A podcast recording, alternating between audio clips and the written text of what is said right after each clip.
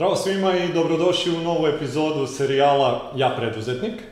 Danas smo u Gajdobri u jednoj firmi koja zaista onako služi kao primer toga kako porodična firma treba da izgleda, kako treba da se razvija. Firma koja je bila proglašavana i za najboljeg izvoznika, koja je bila proglašavana za najbolje srednje preduzeće.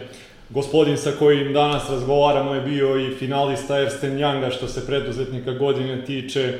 Radili su mnogo nekih vrhunskih stvari koje ćete imati priliku danas da čujete ne u granicama Srbije, nego daleko, daleko šire i verovatno u onome što rade su lideri ne samo ovde u Srbiji, ne u regionu, možda su jedna od najuticajnijih kompanija u svojoj industriji, čak i u ovom delu Evrope, ako smem da kažem. Pa mi je stvarno veliko zadovoljstvo da vam predstavim gospodina Stojana Dangubića. Stojane, e, dobrodošao u serijal i hvala ti na gostoprimstvu ovde kod tebe u firmi. Hvala. Đorđe, jako mi je drago da se vidimo i velika mi je čast i zadovoljstvo da budem gost u vašoj emisiji koju stvarno sam i gledao i jako cenim.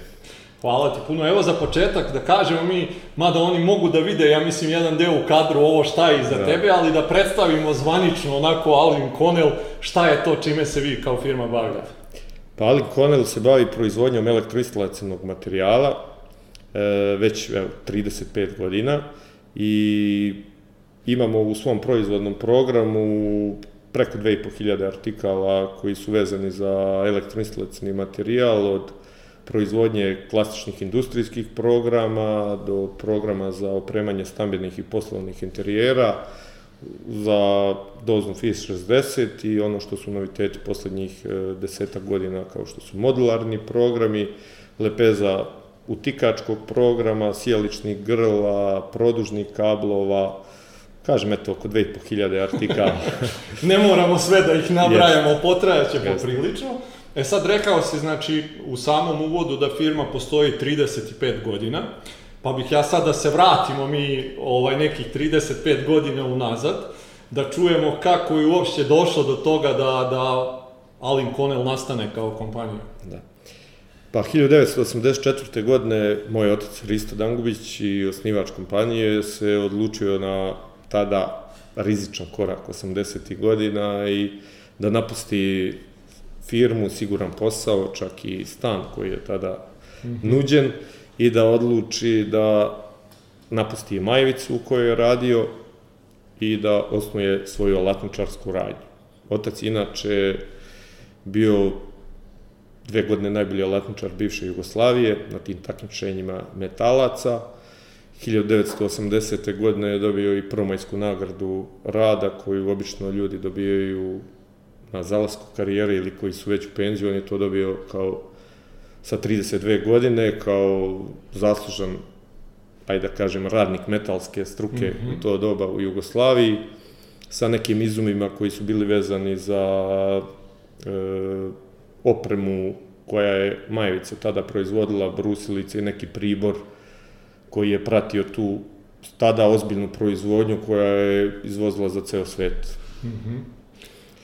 E, otac je odlučio na taj korak i da krene od nule i bukvalno sa prvim svojim radnikom, Zdravkom Okukom, koji, mm -hmm. koji je dan danas o, ovaj, sa nama i Aha. koji 35 godina je deo Aling, Alinga, e, je odlučio se na taj korak i krenuli su bukvalno od nule.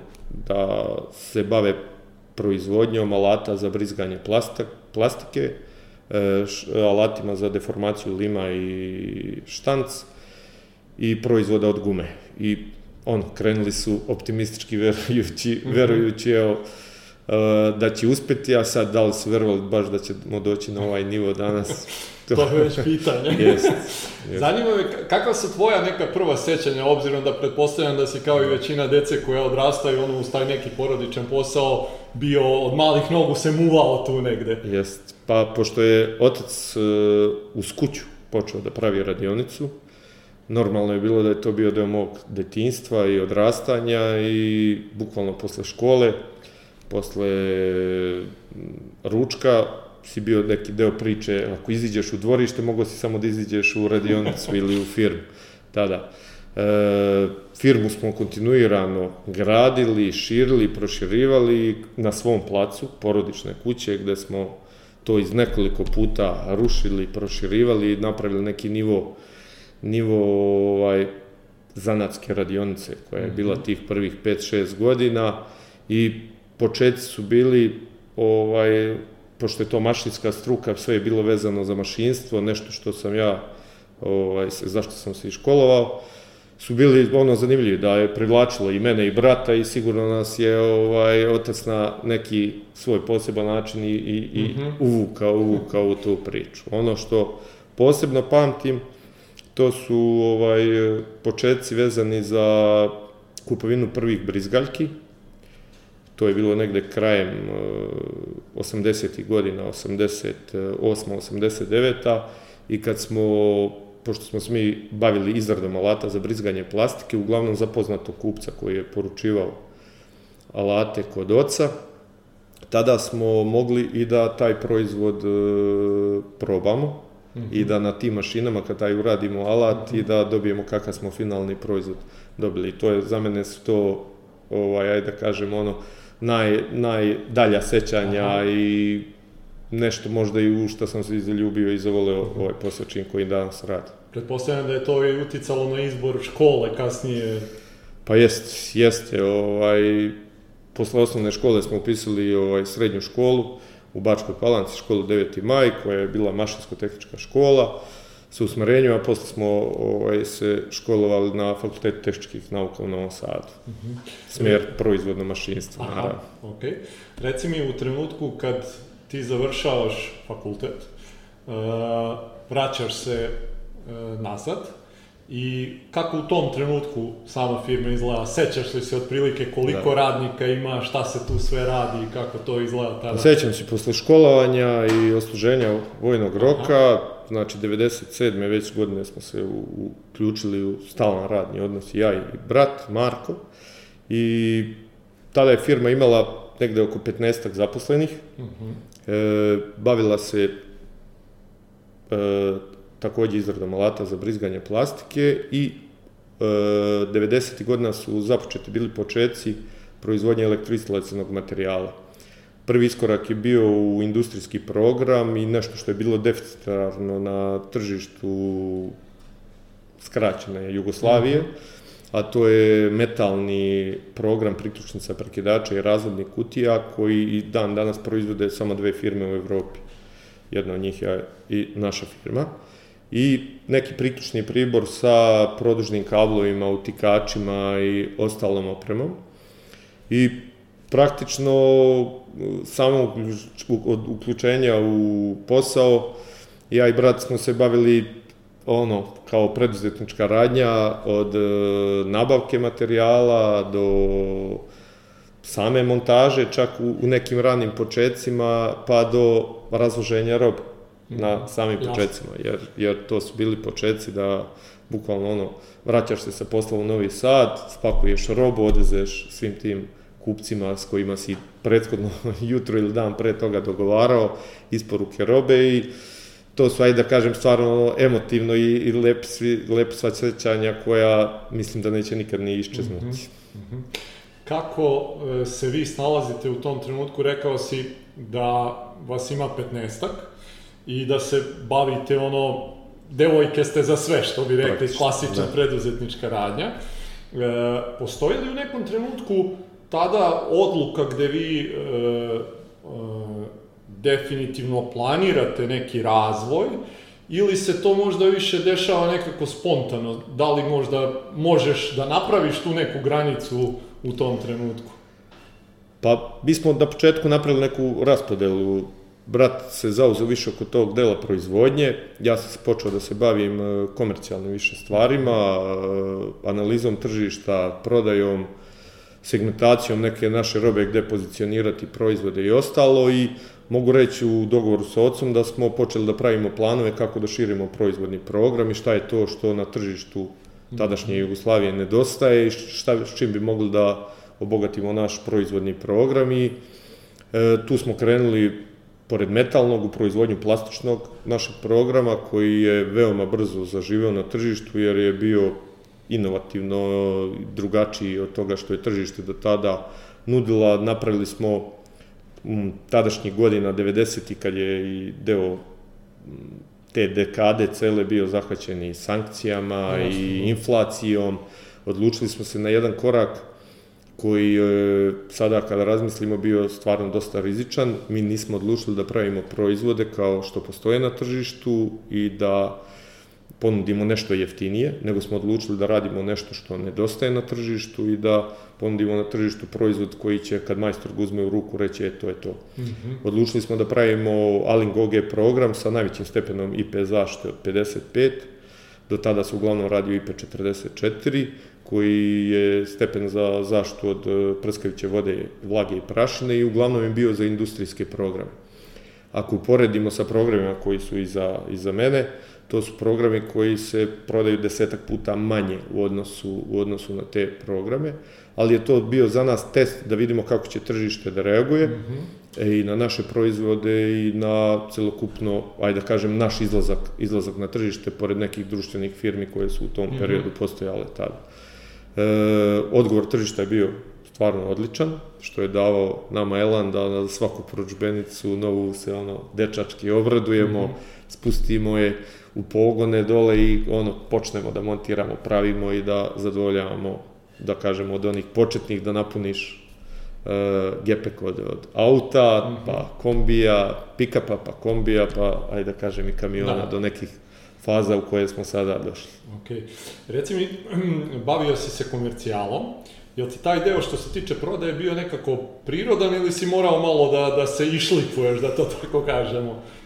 Pa ono, pomešano je bilo proizvodno, komercijalni deo i naravno da smo morali da se išlifujem, pošto ja sam mašinac po profesiji, ali nekako uvek sam volio ekonomiju, uvek sam volio tu ovaj, prodaju i na neki način sam osjećao zadovoljstvo. Danas ajde tako kažu, sve se skoro može napraviti, ali posao se tek završava kad uspe nešto i da se Jasne. proda i u to vreme i a i danas a i da se naplati. Mhm, pa se te krug pa se te krug ovaj tada završava, ali sigurno da ono e, imali smo ajde dosta kontakata sa, sa, sa ljudima koji su tada bili na tržištu i mogu reći da čovek ako želi svaki dan može nešto da novo nauči, mm -hmm. naravno da sam upijao iskustva dosta i od od e, firmi sa kojima smo i radili, a dosta i od e, ljudi, ajde da kažem, koji su, koji su me na neki način, ajde, prihvatili pa kao dečaka tada, pa bili kao ajde da kažem, savetodavno ovaj, ponudili neke svoja iskustva mm -hmm. i mhm. svega toga,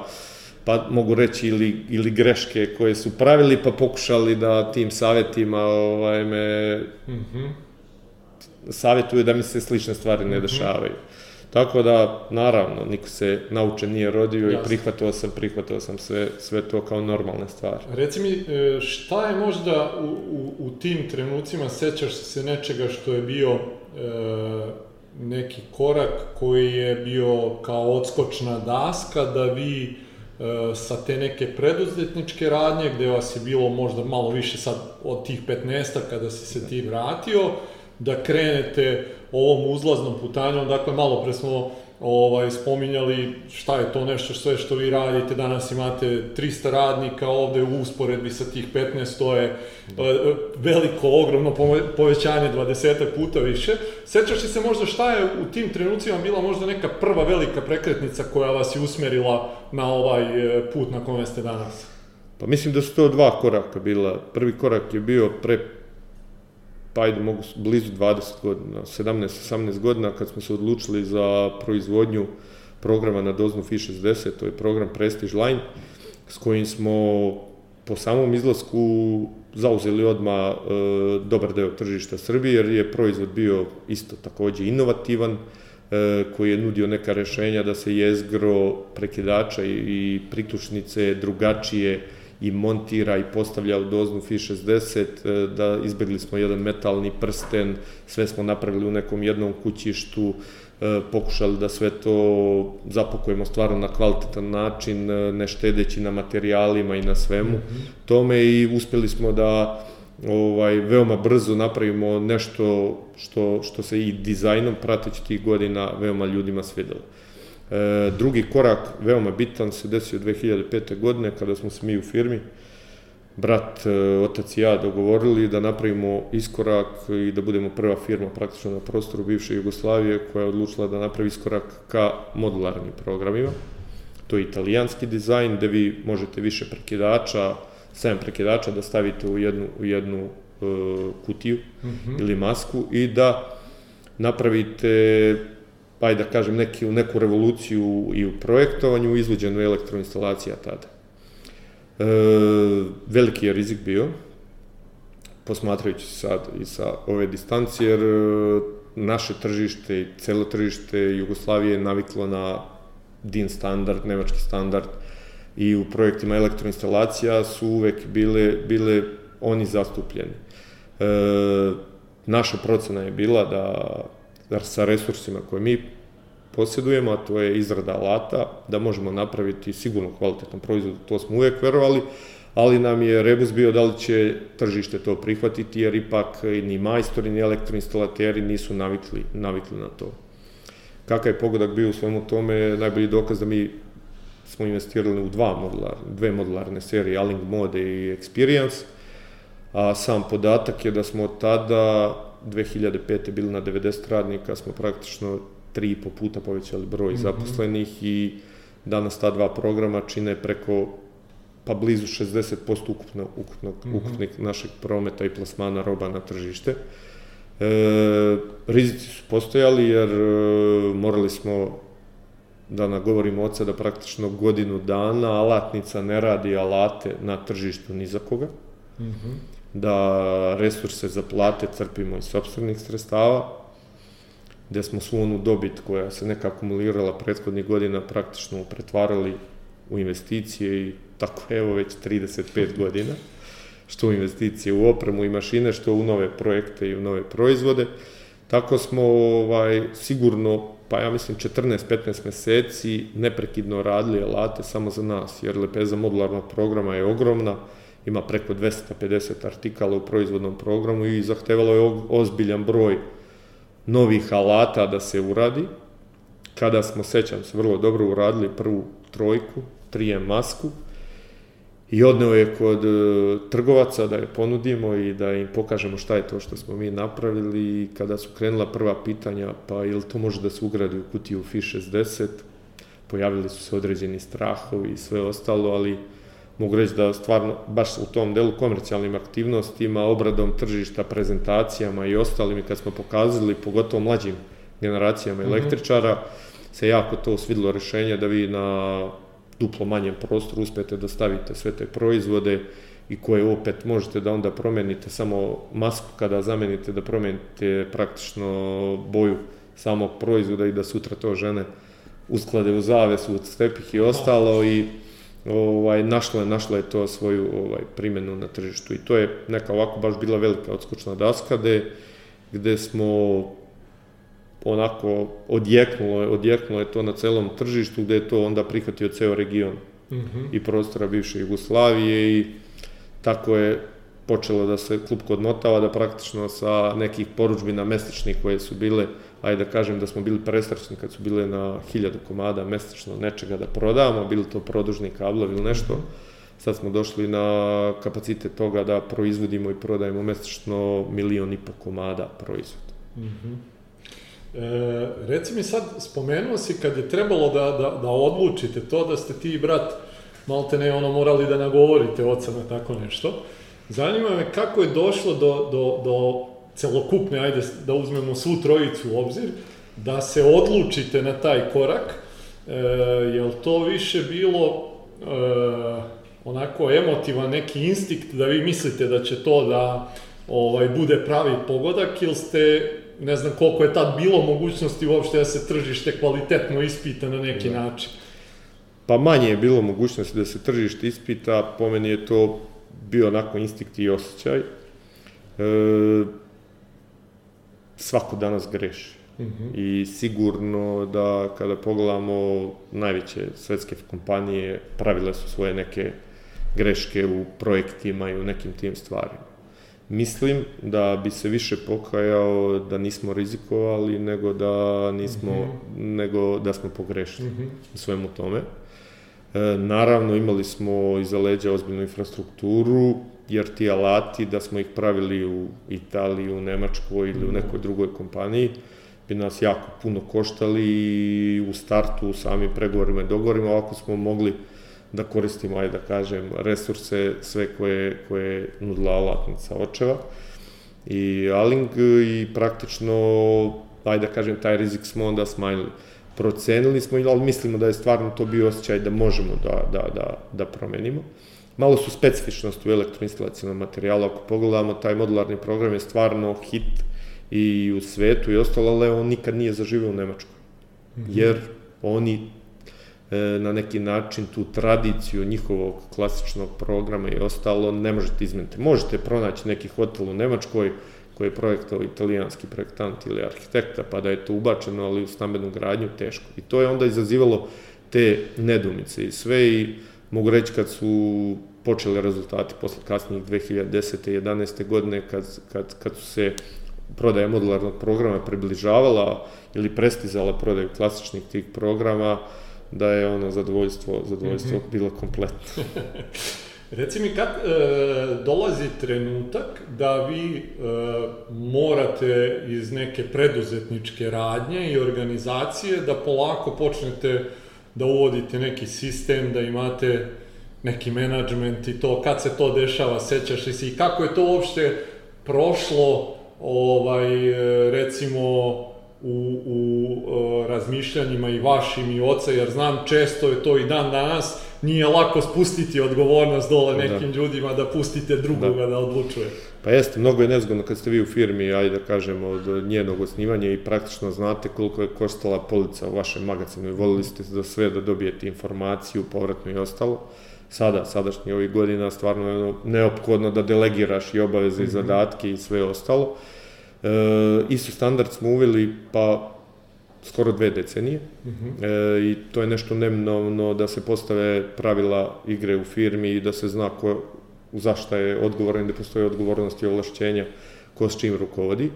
I to su neki početci, pa da kažem početak 2000. E, godina kada smo počeli da razmišljamo o tome da praktično pojačavamo ekipu što se tiče i proizvodnje i prodaje i nabavke kvali, sektora kvaliteta i da ljude biramo po struci i da pojačavamo ekipe u, u, u svim tim sektorima, jer bez toga je nemoguće napraviti, napraviti sistem ljudi čine sistem. Mm -hmm. e, mi evo i danas radimo reinženjering procesa u kompaniji gde želimo da preispitamo sve procese, pogotovo procese u proizvodnji jer ih imamo jako puno i da probamo da napravimo preispitivanja i poboljšanja na svim tim procesima jer nemenovna tržišta traže uvek povoljniji proizvod, jeftiniji proizvod, Alink nikad nije odstupao od toga da štedi na kvalitetu i to su onda samo unutrašnje neke rezerve koje možemo da napravimo, da mhm. napravimo da bi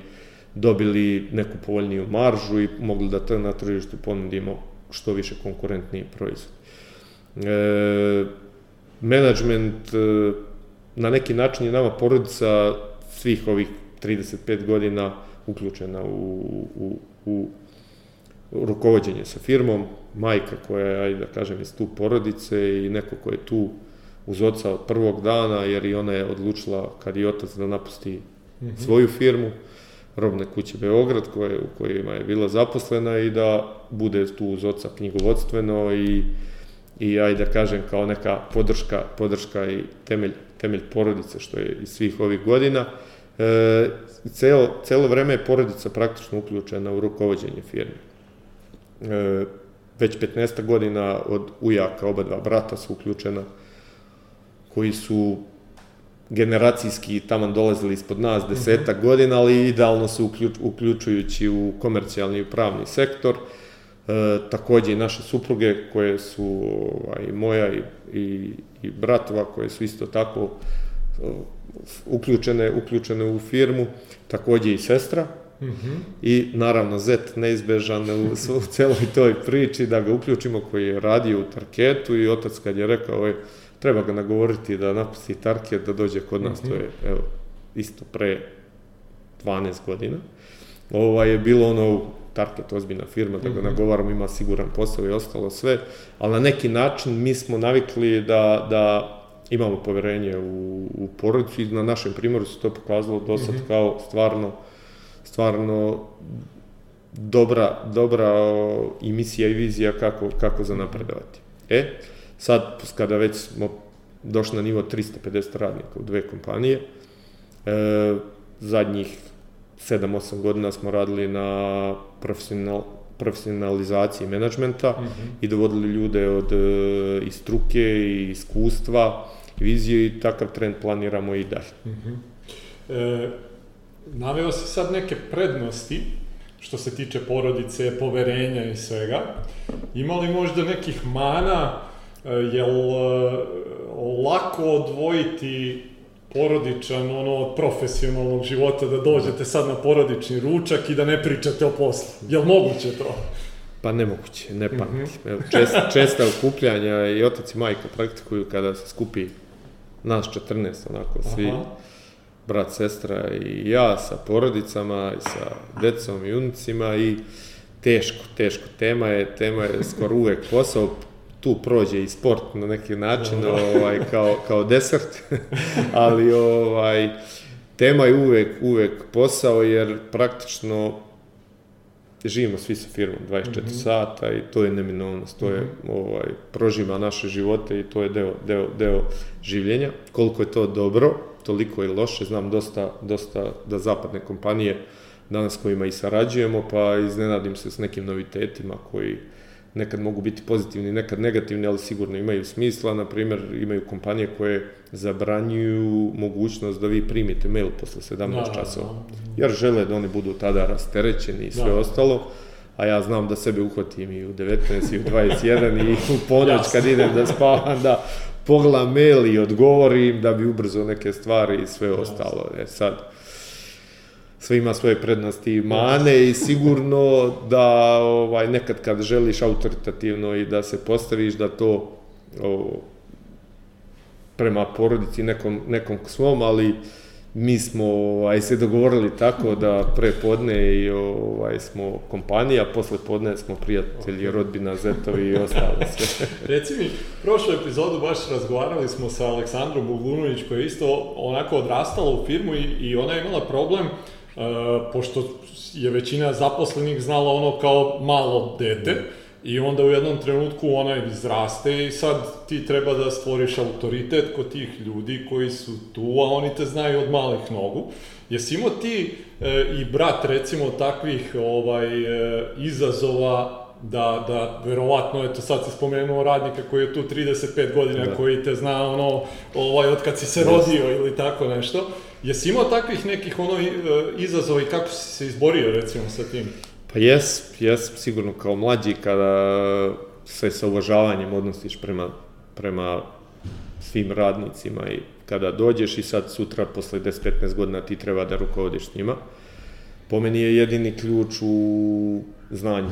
Znači mm -hmm. da mhm. pokušaš da imaš taj nivo znanja i da, mm -hmm. i da budeš kolegijalan i da praviš. Iskreno, naše okruženje, koje je saraslo sa firmom i tih prvih 15-20 radnika su bile naše komšije, kumovi, prijatelji, s kojima smo rodbina, s kojima smo mi gradili neku tu prvu, prvu liniju firme i ne mogu stvarno da kažem, imali smo i sreću u odabiru kadrova i svemu i na neki način je to naša velika snaga. Aling Connell ima jako malu fluktaciju ljudi, ljudi su vezani i mogu reći da imamo ogroman broj ljudi koji je kod nas preko dve decenije, dve i po mhm. decenije i preko tri decenije i to je na neki način i snaga. Naravno, kada ste vi kao mlađi, kada imate 25 godina i imate e, ljude koji su sa 4-5 decenija iskustva, e, 40-50 godina u, u, ovaj, u doba starosti, a već dve, tri decenije radnog iskustva, da. da nije lako i da mhm. treba, ali mogu reći da smo imali sreću u, i odabiru kadrova i u tim ljudima kako su i nas prihvatili i gledali su nas mhm. uvek kao i na, na početku su i oni bili naši mentori. na neki način mm -hmm. i mhm. koji su nas uvodili u posao i otkrivali nam sve, ajde da kažem, i tajne, i pozitivne, i negativne, i na kakve bi sve mogli e, probleme da naiđemo mm -hmm. u poslu. Tako da, neki savet tu nema, nego da, da morate da praktično se izborite sami, da -hmm. svojim znanjem i pojavom i odnosom prema poslu stavite do, do znanja da je stvarno vama stalo do toga mm -hmm. i onda na neki način i oni,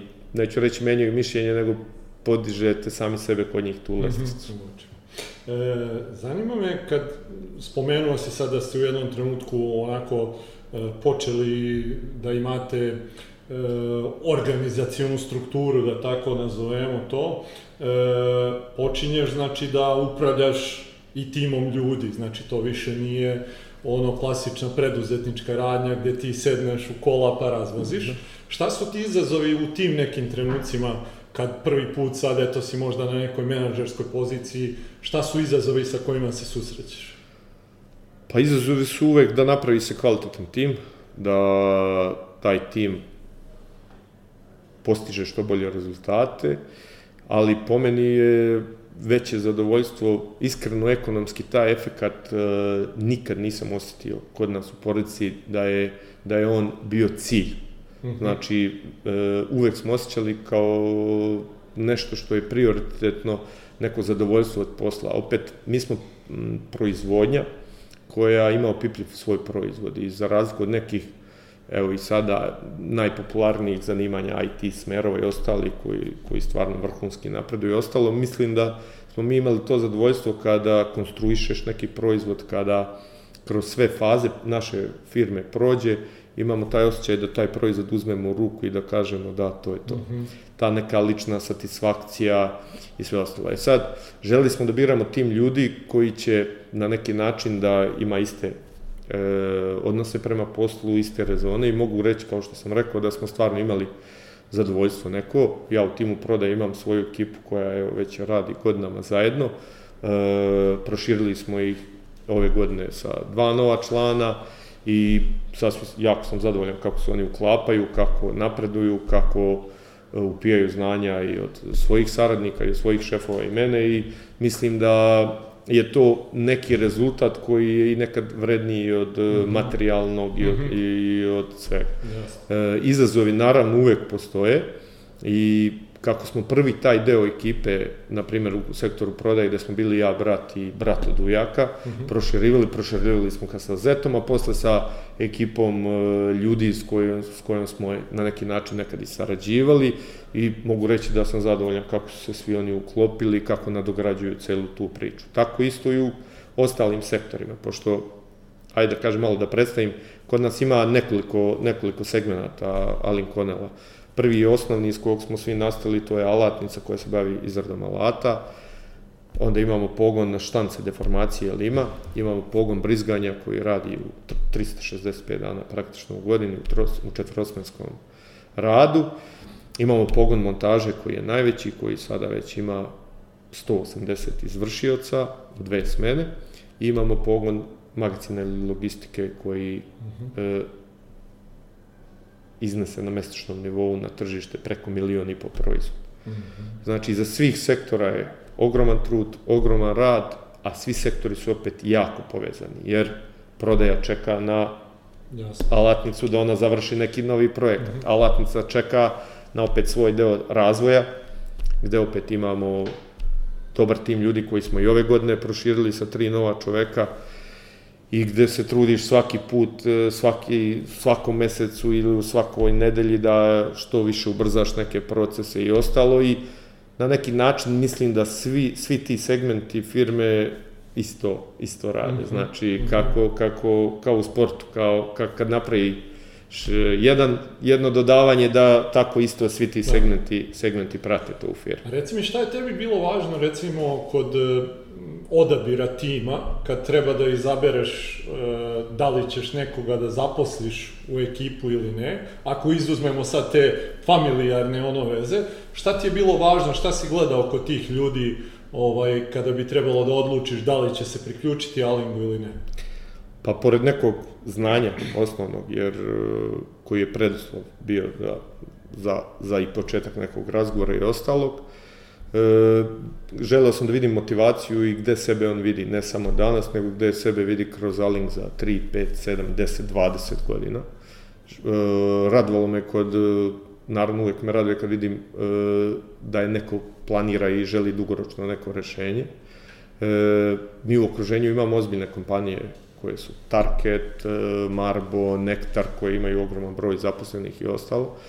I naravno da je oštra konkurencija onda i za kadrovi i ostalo. Mogu reći da sam zadovoljan sa timom ljudi koji vodi danas kompaniju i sa ljudima ispod koji su već decenijama kod nas e, i sa nekom nikovom željom koju prepoznajem da žele da napreduje. E sad, u startu kod mladog čoveka je danas kod mene presudna želja kad vidim da želi da napredi, kad je svestan da kad on završi srednju školu ili fakultet, da je on tek na početku. Mm -hmm. Da je on tu diplomu koju je zaradio ogromnim svojim radom i trudom, praktično dao na važnost tati i mami, a da sada mora da mhm. shvati da mora da počne i da krene od nule mm -hmm. i da svaki dan skoristi na poslu, kod kuće da se usavršava, da napreduje, da podiže svoj nivo znanja i kad prepoznam tu neku stvar, to me raduje i obično takvi ljudi mm -hmm. i, i želimo da, bude, da budu deo od našeg tima.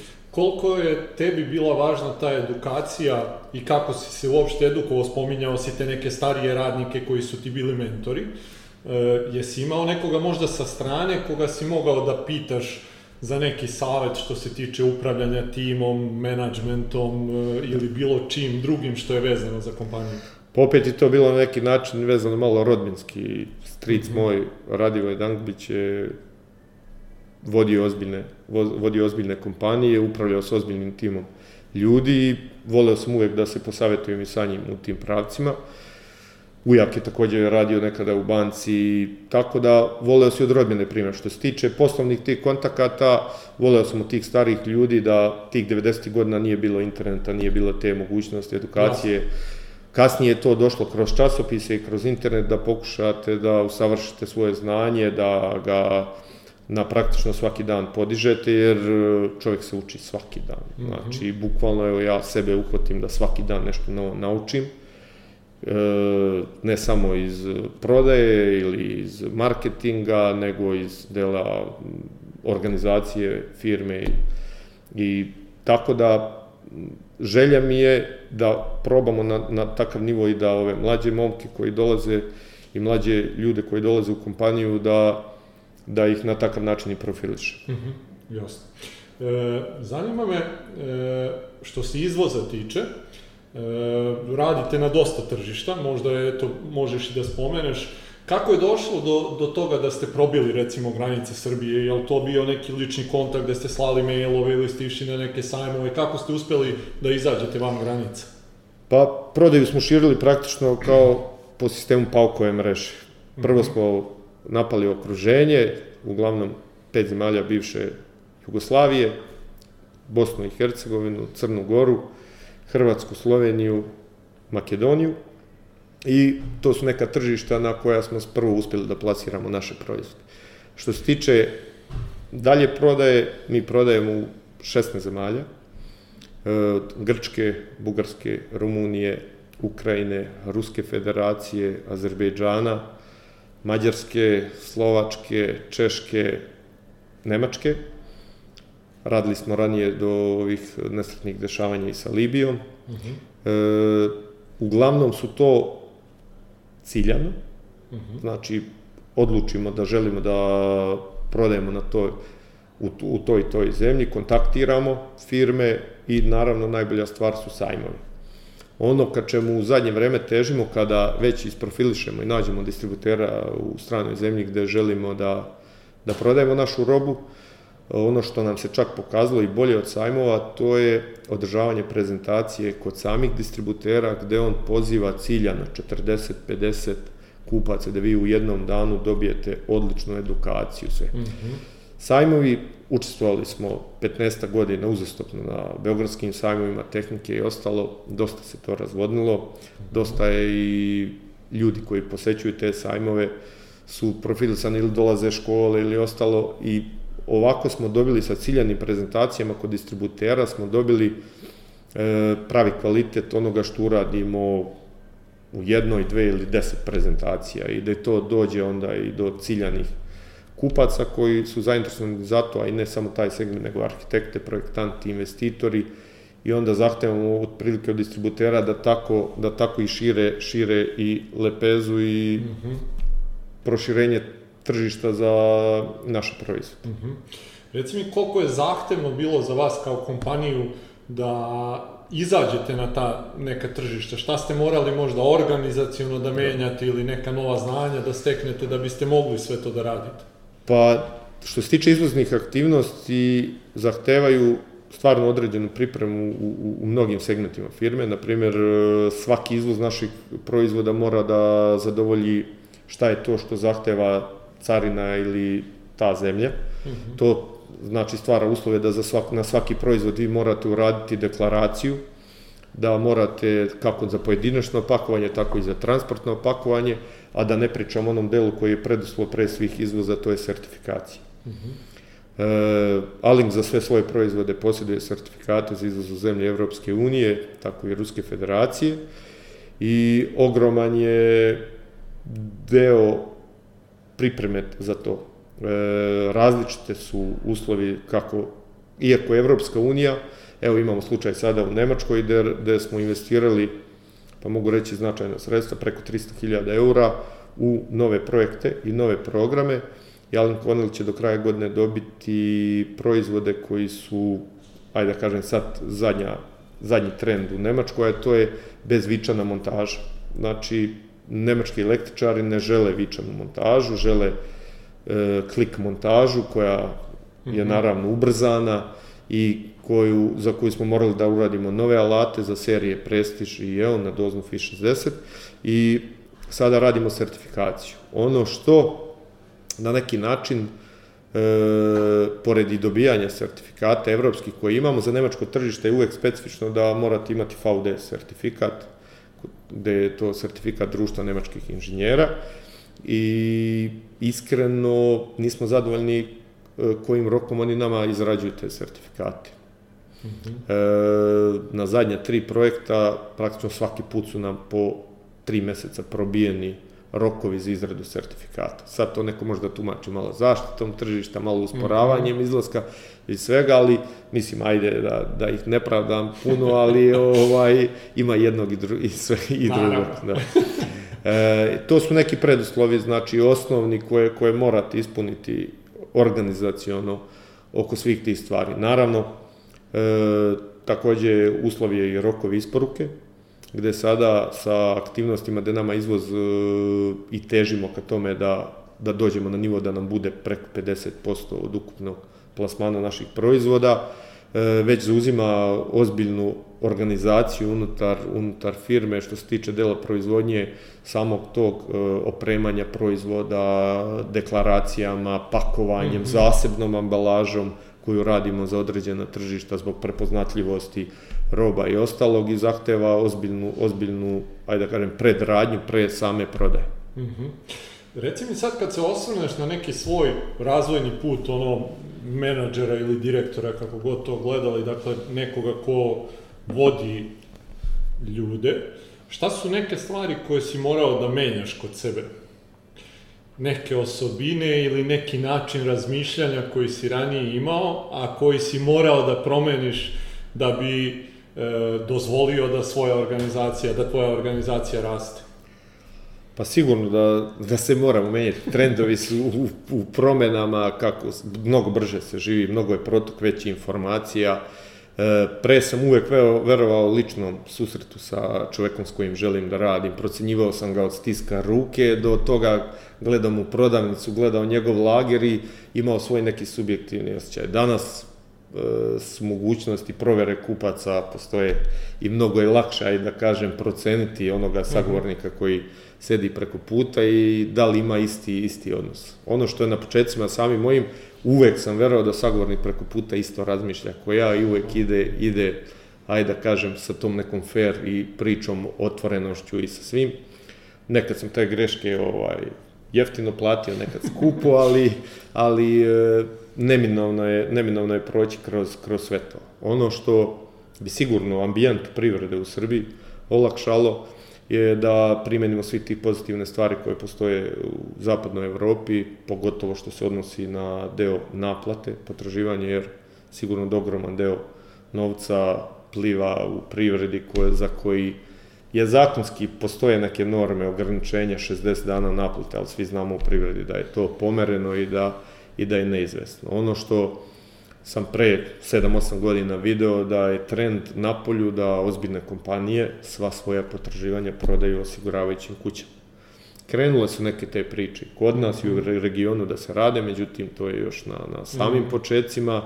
E, te firme žele da osiguraju samo one firme s kojima, koje su pozitivne i koje imaju dobre rezultate. E, mi živimo i radimo s firmama s kojima smo od početka, nekad te firme zapadnu u svoje poslovne probleme, nekad se i mi kao firma nađemo tu da pomognemo, da iz tih problema ili sa bankama ili sa nekim firmama pa produžavamo rokove naplate i ostalo i trudili smo se onda da se partnerski, da se partnerski ovaj, ponašamo u svemu tome. E sad, u svemu tome je bilo i bit će ožiljaka uvek mm -hmm. i mhm. definitivno i ta procena je sa iskustvom dolazi naravno sve, mm -hmm. sve više i bolje, ali mogu reći da smo u tom segmentu ovaj, imali sreće i da su svi naše kompanije s kojim smo sarađivali, hajde da kažem 99% stvarno bile, bile partneri, partneri u poslu. Mm -hmm.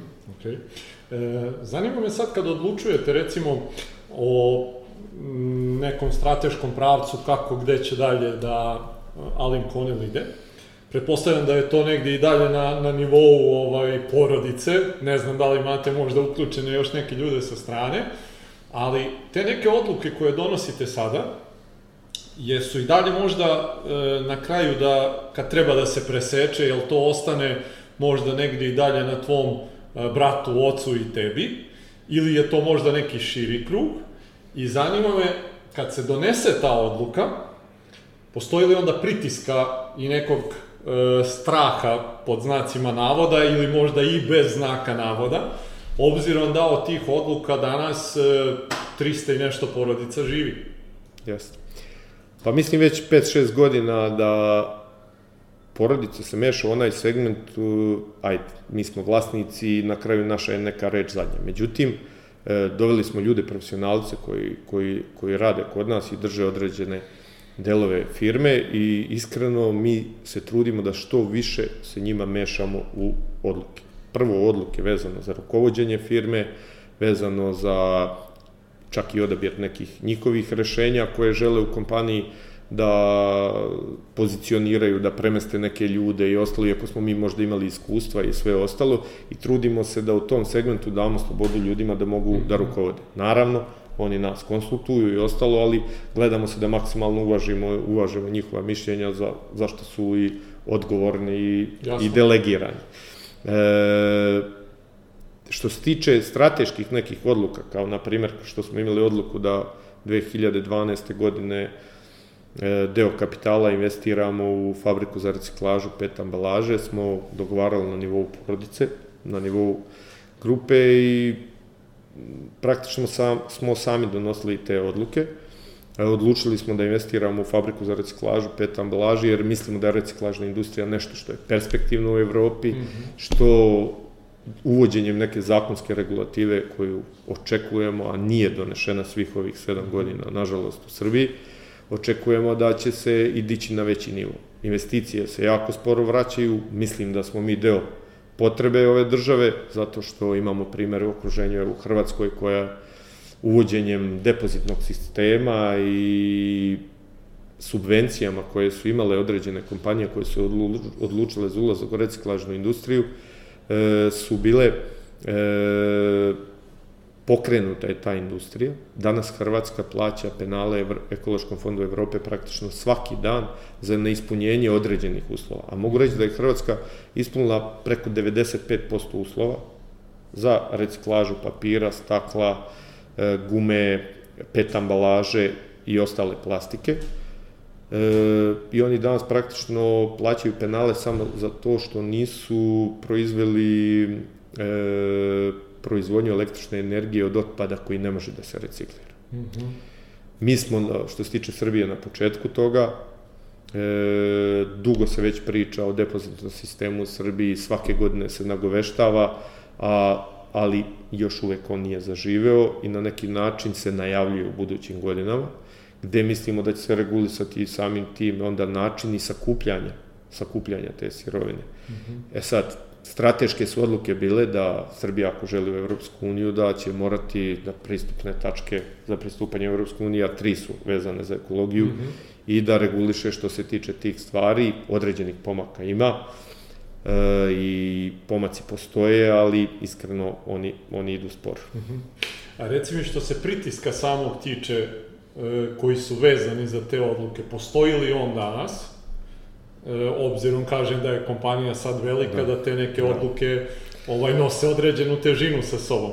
Pa, odgovornost je velika, 350 ljudi i porodica praktično mm -hmm. svaki mesec e, iščekuju tu platu, svaki mesec je Bože zdravlje i dobijaju do mhm. petog u mesecu u Jalingu plata već decenijama zna se da, da kada se deli i sigurno da odgovornost što je firma i kompanija veća, poslovni rizici su sve veći jer poslovne odluke mi ne dogovaramo sada iznose na 100, 200, 300, 500 hiljada eura, dogovaraju se veći iznosi, veći je faktor rizika samim tim.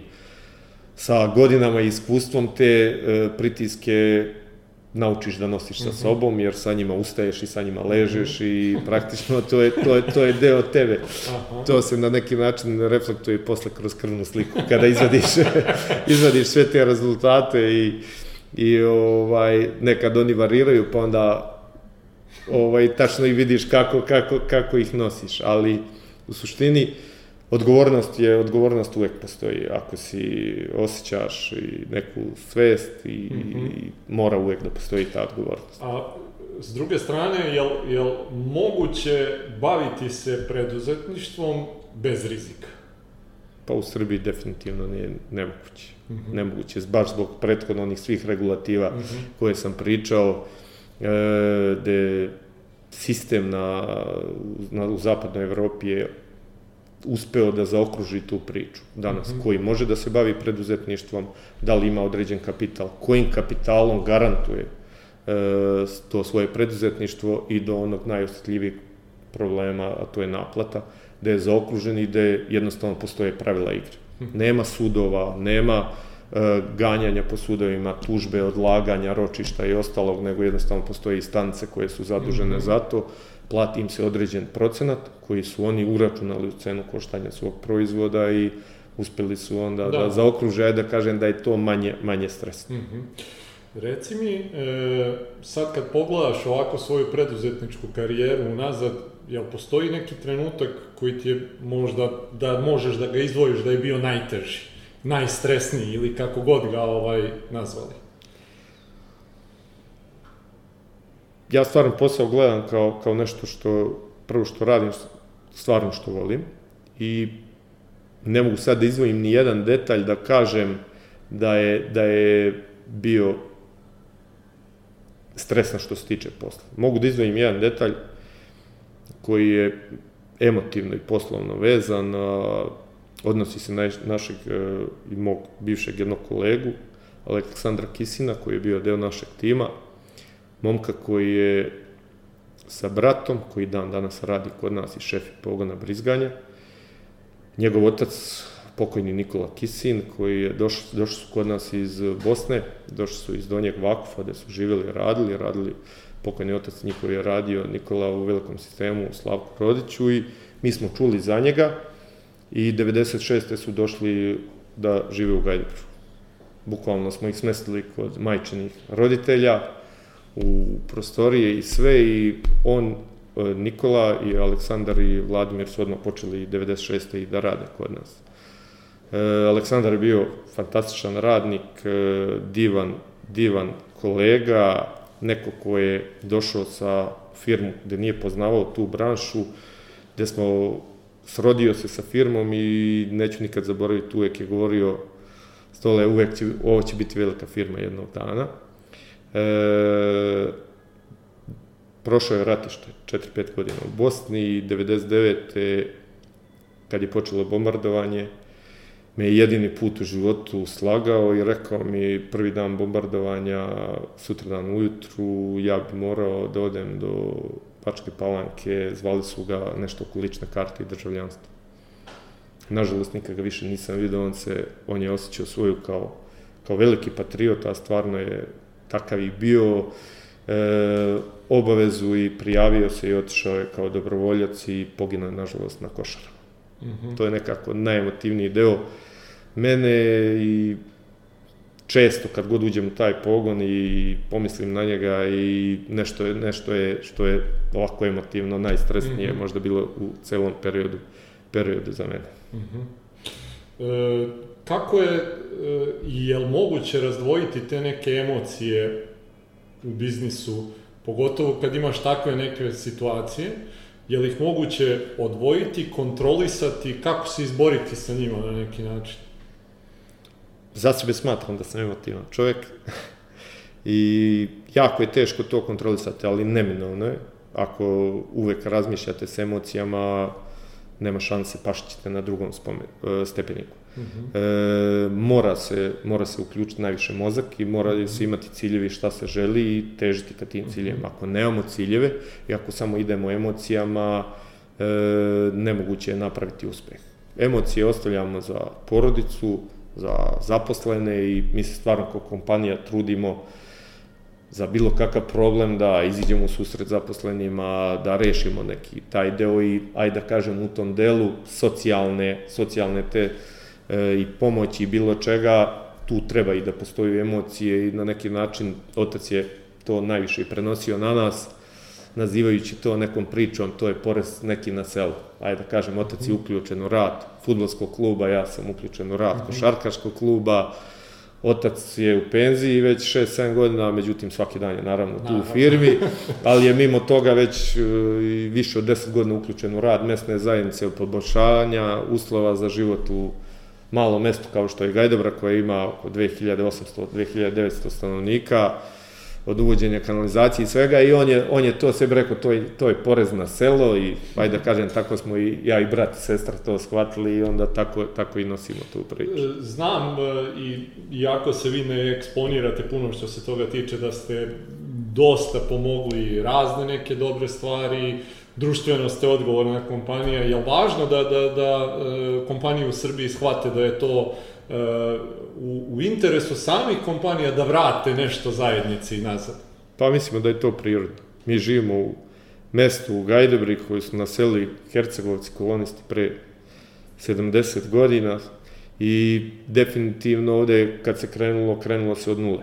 Uh mhm. -huh. Moj otac je krenuo od nule i njegov otac kad je krenuo, je krenuo od nule i praktično e, mora se pokazati ta neka pripadnost i svemu tome. Mm, ajde, kažem, mi smo imali neki mali primer vezan za premanje vrtića. U Gajdobri samo može vrtić da ide u preškolsku ustanovu. Sada je vrtić i nekim našim sredstvima doniran i ostalo i omogućili smo da i, rad, i deca od naših zaposlenih e, već od jednu godinu praktično mogu da idu. I to su neki organizacioni pomaci da, da, da se stvore uslovi, ambijent, e, ajde da kažem i da mladi ostanu i na selu, da se mhm. stvori ambijent da ima negde da radi, Znamo kakvi su infrastrukturni uslovi u Beogradu, u Novom Sadu, gužve u saobraćaju, da ljudi provode po sat, sat i po vremena da samo ode i da se vrate sa posla.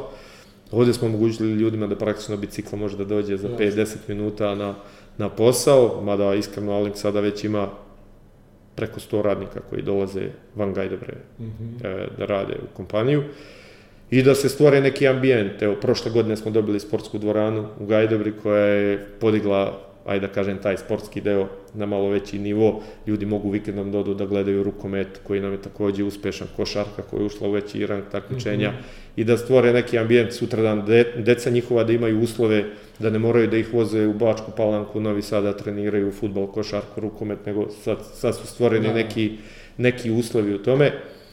Otac pogotovo uživa u tome i predpo, ajde da kažem, ima neku svoju ličnu satisfakciju za sve ovo mhm. što, što, što radi godin.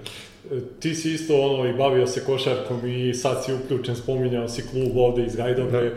Hercegovac i jel ti to neki ono izduvni ventil, što, da, da malo, bar na trenutak, glava i, i, i razmišljanja budu okupirana nečim drugim, a ne posle.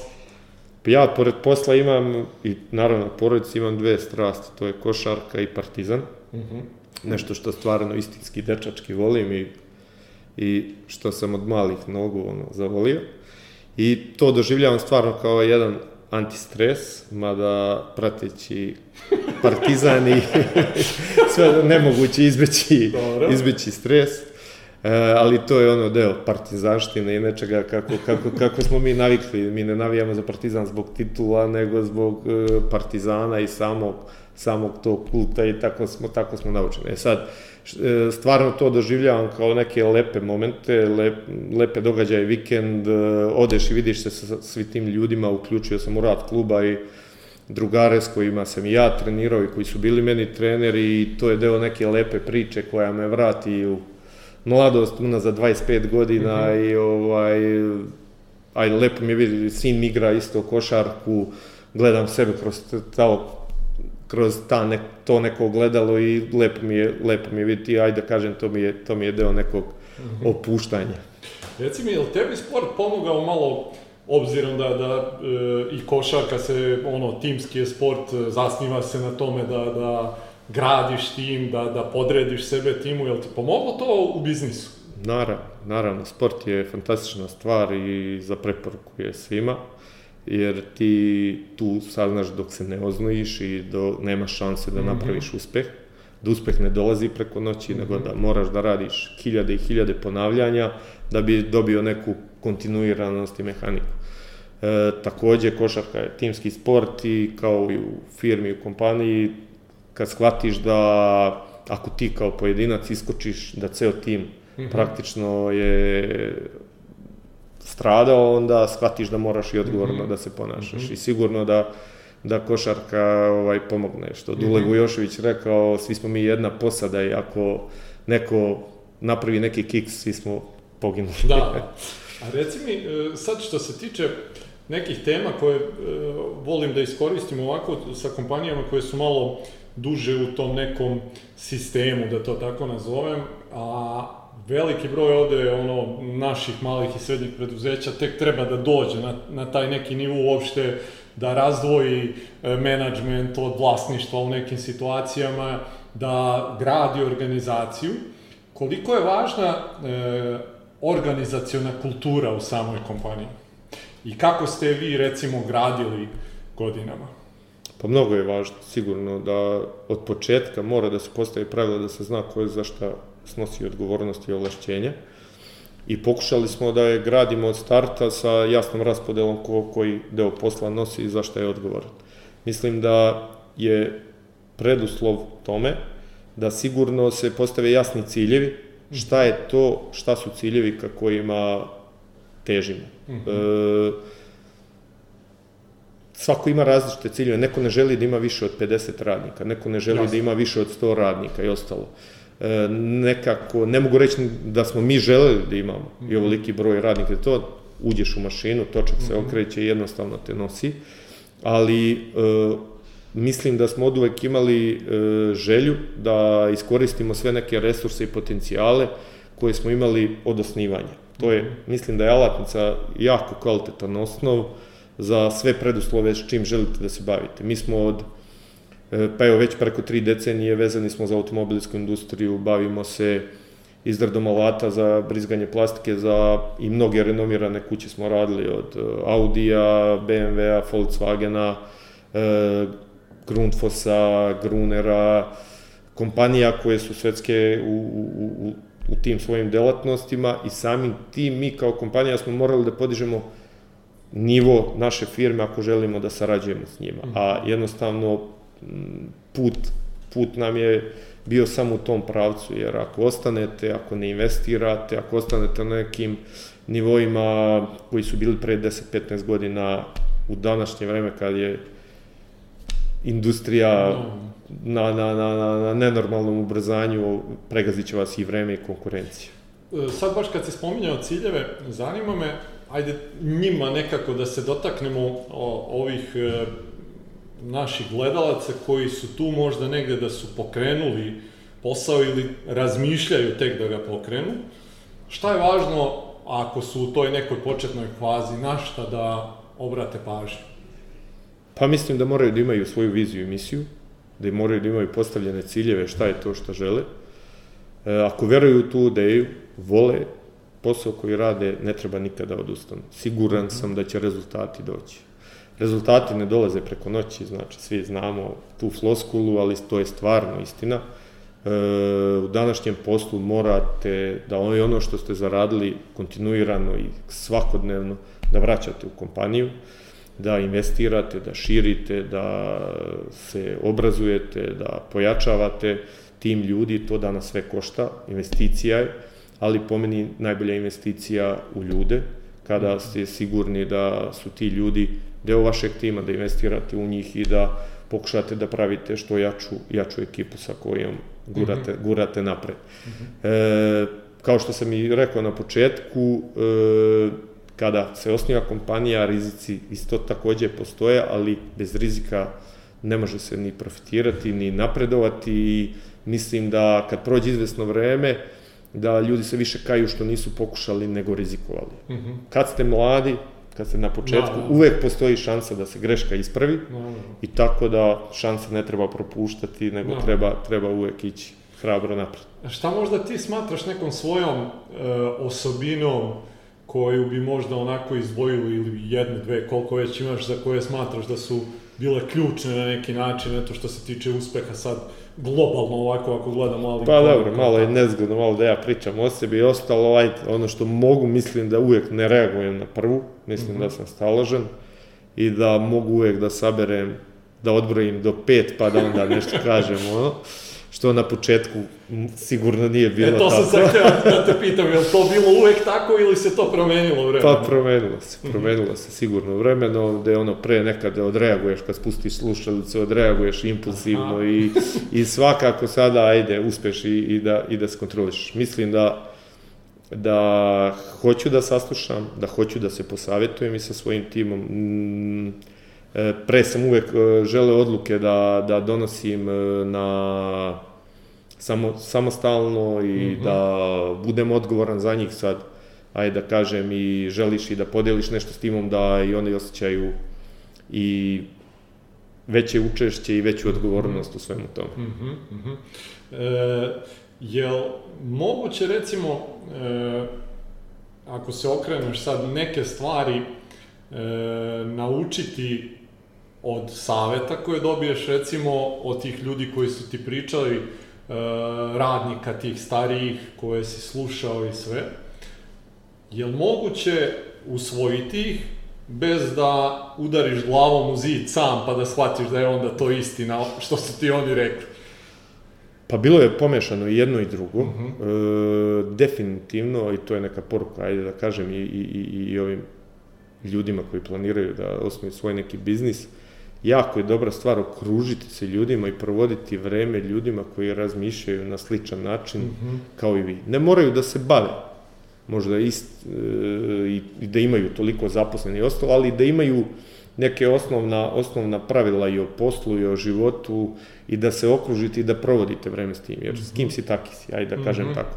I sigurno da saveti svi tih ljudi stariji kad sam ulazio u poslu su bili jako korisni, mm a naravno svi smo naučili na nekim, na, na svojim greškama mm -hmm. i ne znam, Bill Gates ili ko je rekao da za kompaniju su najviše zaslužni one ljudi koji, koji kritikuju ili proizvode ili kompaniju i sad ako nemaš sujete i prihvatiš sve te neke stvari, sigurno da ćeš brže ispravljati greške, brže napredovati, mm -hmm. donositi pravilnije odluke i sve ostalo. I mislim da je sve to pomešano i da mhm. dođe godinama i sa mhm. iskustvom. Mm -hmm.